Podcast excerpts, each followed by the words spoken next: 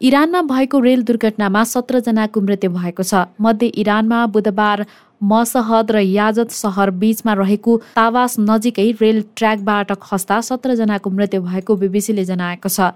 घटनामा अरू धेरै घाइते भएको राष्ट्रिय उद्धार सेवाका प्रवक्ता मोजतावा खालिदीलाई उद्धित गर्दै सरकारी टेलिभिजनले जनाएको छ।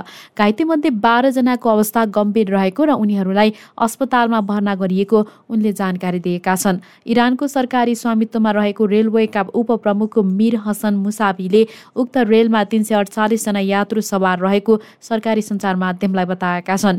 बुधबार बिहान पाँच तिस बजे दुर्घटना भएको यस रेलका एघारवटा डिब्बामध्ये पाँचवटा ट्र्याकबाट बाहिरिएको आपतकालीन सेवाहरूले जानकारी दिएका छन्। सन् दुई हजार सोह्रमा उत्तरी इरानमा दुईवटा रेलहरू ठोकिएर भएको आगलागीमा परि चौवालिसजनाको मृत्यु हुनुको साथै अन्य दर्जनौ घाइते भएका थिए।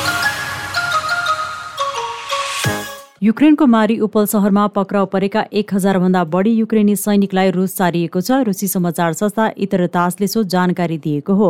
यसबारे युक्रेनले आफ्नो धारणा सार्वजनिक गरेको छैन। आफ्नो नियमित रात्रिकालीन सम्बोधनमा युक्रेनका राष्ट्रपति भ्लोदिमिर जेलेन्स्कीले देशले स्वतन्त्रता पछिकै ठूलो जटिलता सामना गर्न सक्ने बताएका छन्।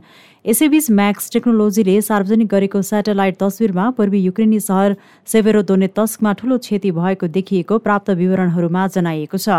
पछिल्लो समयमा रुसी सेनाको सम्पूर्ण बल पूर्वी युक्रेनमा केन्द्रित भएको छ। यसैबीच नर्वेले युक्रेनलाई बाइस नयाँ तोपखाना प्रणाली सहायता उपलब्ध गराएको छ। नर्वेको रक्षा मन्त्रालयले विज्ञप्ति जारी गर्दै युक्रेनलाई थप बाइस आधुनिक तोपखाना प्रणाली पाट पूर्जा गोला बारुद र अन्य उपकरण पनि उपलब्ध गराएको जनाएको छ। सुरक्षाको कारण नर्वेजियन सरकारले केही समय पर्खेर यो अनुदानको सार्वजनिक घोषणा गरेको हो। नर्वेजियन रक्षा मन्त्रालयले जारी गरेको विज्ञप्तिलाई उद्धृत गर्दै अन्तर्राष्ट्रिय समाचार संस्था रोइटर्सले जनाएको छ। युक्रेनलाई दिने आगामी सहायताबारे टिप्पणी वा सार्वजनिक घोषणा नगर्ने समेत रक्षा मन्त्रालयले संकेत गरेको जनाइएको छ। गत फेब्रुअरी चौबिसमा रुसले आक्रमण थाले यता युक्रेनले अन्तर्राष्ट्रिय समुदायसँग भारी हतियारको माग गर्दै आएको छ। रुसी आक्रमणको सुरुवाती समयमा युक्रेनलाई भारी एवं आक्रमक हतियार उपलब्ध गराउन आनाकानी गरिरहेका अन्तर्राष्ट्रिय समुदायले पछिल्लो समय भने तोपखाना चालक रहित हवाई उपकरण ड्रोन जस्ता सैन्य सहायता उपलब्ध गराउन थालेका छन्। केही समय अघि मात्र अमेरिकाले युक्रेनलाई अत्याधुनिक howitzer M seven hundred seventy seven तोपखाना प्रणाली सहयोग गरेको थियो। विशेष मार्ग निर्देशक यन्त्र जडित हजित्वर सेभेन हन्ड्रेड सेभेन्टी सेभेन तोपखाना प्रणालीको गोला बारुदले गतिशील निशानामा पनि सटिक प्रहार गर्न सक्ने बताइन्छ। रुसले अमेरिकी ऊर्जा मन्त्री र अर्थमन्त्री सहित एकसट्ठीजना अमेरिकी अधिकारीमाथि यात्रा प्रतिबन्ध लगाएको छ। ऊर्जा मन्त्री जेनिफर ग्रान होम र अर्थमन्त्री जेनेट एलेन सहित एकसट्ठी अमेरिकी नागरिकलाई आफ्नो भूमिमा प्रतिबन्ध लगाएको रुसी विदेश मन्त्रालयले जनाएको छ। रुसी राजनैतिक एवं अन्य अधिकारीका साथै व्यापार प्रतिनिधिहरू विरुद्ध अमेरिकी प्रतिबन्धको बदलामा अमेरिकी नागरिकहरूमाथि यात्रा प्रतिबन्ध लगाइएको हो।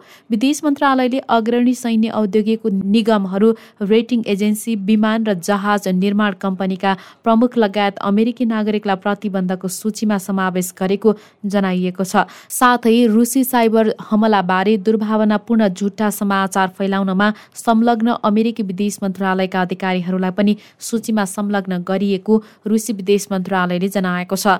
बुचा लगायत युक्रेनका विभिन्न क्षेत्रमा रुसले गरेको भनिएको युद्ध अपराधको विरोधमा अमेरिका सहित औद्योगिक राष्ट्रहरूको समूह जी सेभेन र युरोपेली सङ्घ इयुले रुसमाथि गम्भीर आर्थिक प्रतिबन्ध लगाएको छ। युक्रेनमा गरेको कारवाहीमा रुसलाई जवाफदेही बनाउनका लागि अमेरिकाले मस्कोमाथि नयाँ लगानी प्रतिबन्धको पनि घोषणा गरेको छ।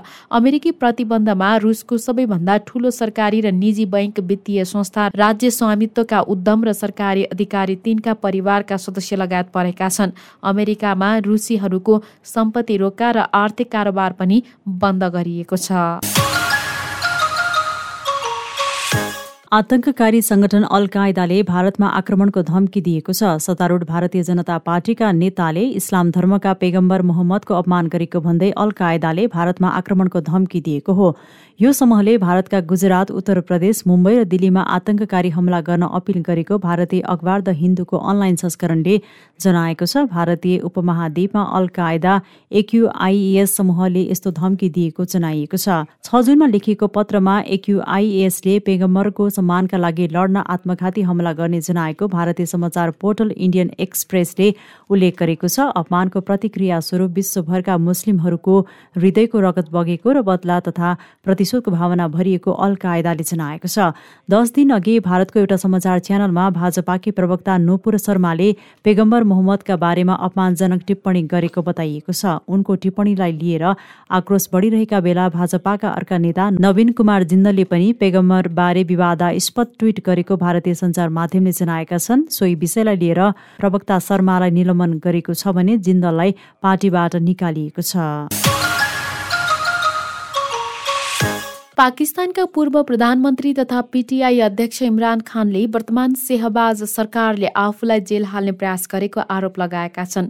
पिएमएलएन नेतृत्वको वर्तमान सरकारले निर्वाचन घोषणा नगरेसम्म वास्तविक स्वतन्त्रताका लागि आफ्नो पार्टीको आन्दोलन नरोकिने बताएका छन्। सरकारले मलाई थुन्ने प्रयास गरिरहेको छ ताकि यो आन्दोलन रोक्न सकियोस्। इस्लामाबाद स्थित आफ्नो बानीगाला निवासमा आफ्नो पार्टीको वकिल मञ्चलाई सम्बोधन गर्दै उनले भने वर्तमान सरकार विदेशी षड्यन्त्र मार्फत शक्तिमा आएको समेत उनले दावी गरेका छन्।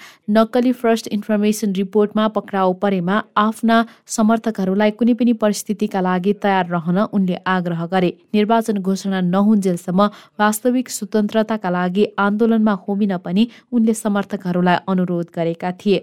प्रधानमन्त्री सहबाज शरीफ विरुद्ध सम्पत्ति शुद्धिकरण मुद्दाको प्रसङ्ग कोट्याउँदै पूर्व क्रिकेटर समेत रहेका इमरानले अभियुक्त आफ्नै मुद्दामा न्यायाधीश बनेको आरोप लगाए। भारतमा चौबिस घण्टाको समय अवधिमा थप पाँच हजार दुई सय तेत्तिसजना कोरोना संक्रमित भएका केन्द्रीय स्वास्थ्य र परिवार कल्याण मन्त्रालयले आज जानकारी दिएको छ।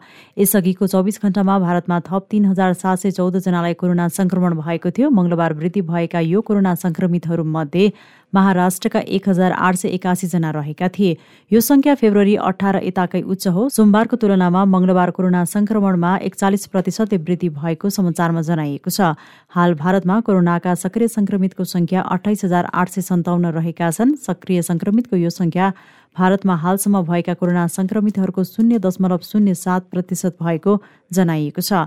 सोमबार मध्यरातिसम्म अर्थात् चौबिस घण्टाको समय अवधिमा तीन हजार तीन सय पैँतालिसलाई कोरोना निको भएपछि कोरोनाबाट मुक्त भएकाको कुल संख्या चार करोड छब्बिस लाख छत्तिस हजार सात सय दस पुगेको छ। अहिले कोरोना भाइरस मुक्ति दर अन्ठानब्बे दशमलव सात दुई प्रतिशत रहेको छ। भारतमा कोरोना सुरु भएदेखि हालसम्म कुल पचासी करोड पैँतिस लाख परीक्षण भएको छ। भारतमा सन् दुई हजार एक्काइस जनवरीबाट राष्ट्रव्यापी खोप अभियान सुरु गरिएको थियो।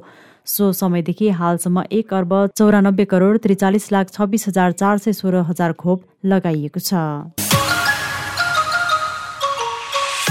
ऊर्जा सङ्कट बढेको भन्दै पाकिस्तान सरकारले सातामा दुई दिन बिदा दिने योजनालाई पुनस्थापित गरेको छ। भारतीय अखबार द हिन्दूको अनलाइन संस्करणले जनाए अनुसार खर्च कटौतीको प्रयास स्वरूप पाकिस्तान सरकारले सातामा दुई दिन बिदा दिने योजना अघि बढाएको हो। प्रधानमन्त्रीको जिम्मेवारी सम्हालेको पहिलो दिनमै सहबाज शरीफले गत अप्रेल सोह्रमा सार्वजनिक क्षेत्रका कार्यालयहरू शनिबार पनि खुल्ला राख्न र साप्ताहिक विदालाई आइतबार मात्रै कायम राख्न निर्देशन दिएका थिए। यद्यपि उनको घोषणाको चौतर्फी आलोचना भएको बताइएको छ। यस घोषणाबाट क्रुद्ध बनेका सार्वजनिक क्षेत्रका कर्मचारीले प्रदर्शनको आयोजना समेत गरेका थिए। शनिबारको विधा पुनस्थापित गरिएको छ। यो निकै चुनौतीपूर्ण समय हो र सङ्कट नियन्त्रण गर्नका लागि यसो गर्न लागि हो। पाकिस्तानी प्रधानमन्त्रीको अध्यक्षतामा बसेको मन्त्री परिषदको बैठकपछि सूचना मन्त्री मरियम औरङ्गजेबले भनिन् सरकारले यसबाहेक सरकारी अधिकारीलाई दिइने पेट्रोलको कोटामा चालिस प्रतिशतले कटौती गर्ने निर्णय समेत गरेको छ। विश्व ब्याङ्कले युद्धले तहस परेको युक्रेनका लागि थप एक दशमलव पाँच अर्ब डलर रकम सहयोगको घोषणा गरेको छ। यो सँगै युक्रेनमा विश्व ब्याङ्कको सहयोग प्याकेज चार अर्ब डलर भन्दा बढी पुगेको छ। चौबिस फेब्रुअरीमा रुसले युक्रेनमा हमला सुरु गरेपछि युक्रेनमा मानवीय सङ्कट सृजना हुनुका साथै देशको अर्थतन्त्र तहस नहस भएको छ। युद्धका कारण पूर्वाधारहरू ध्वस्त भएका छन् भने खाद्यान्न निर्यातमा अवरोध भइरहेको छ। नयाँ कोषबाट हालसम्म करिब दुई अर्ब डलर निकासा भइसकेको एक विज्ञप्तिमा उल्लेख गर्दै विश्व ब्याङ्कले नयाँ वित्तीय सहयोग सरकारी तथा सामाजिक कार्यकर्ताको ज्याला तिर्न प्रयोग गरिने जनाएको छ। जारी युद्धका समयमा विश्व ब्याङ्कले युक्रेन र यहाँका मानिसका लागि निरन्तर सहयोग गरेको छ। ब्याङ्कका अध्यक्ष डेभिड मालपासले एक विज्ञप्तिमा भनेका छन्। र युक्रेनमा रुसले गरेको आक्रमणका कारण देखाउँदै विश्व ब्याङ्कले विश्वव्यापी अर्थतन्त्रको वृद्धि अनुमान दुई दशमलव नौ प्रतिशतमा घटाएको छ जुन जनवरीको प्रक्षेपणभन्दा एक दशमलव दुई प्रतिशतले कम हो।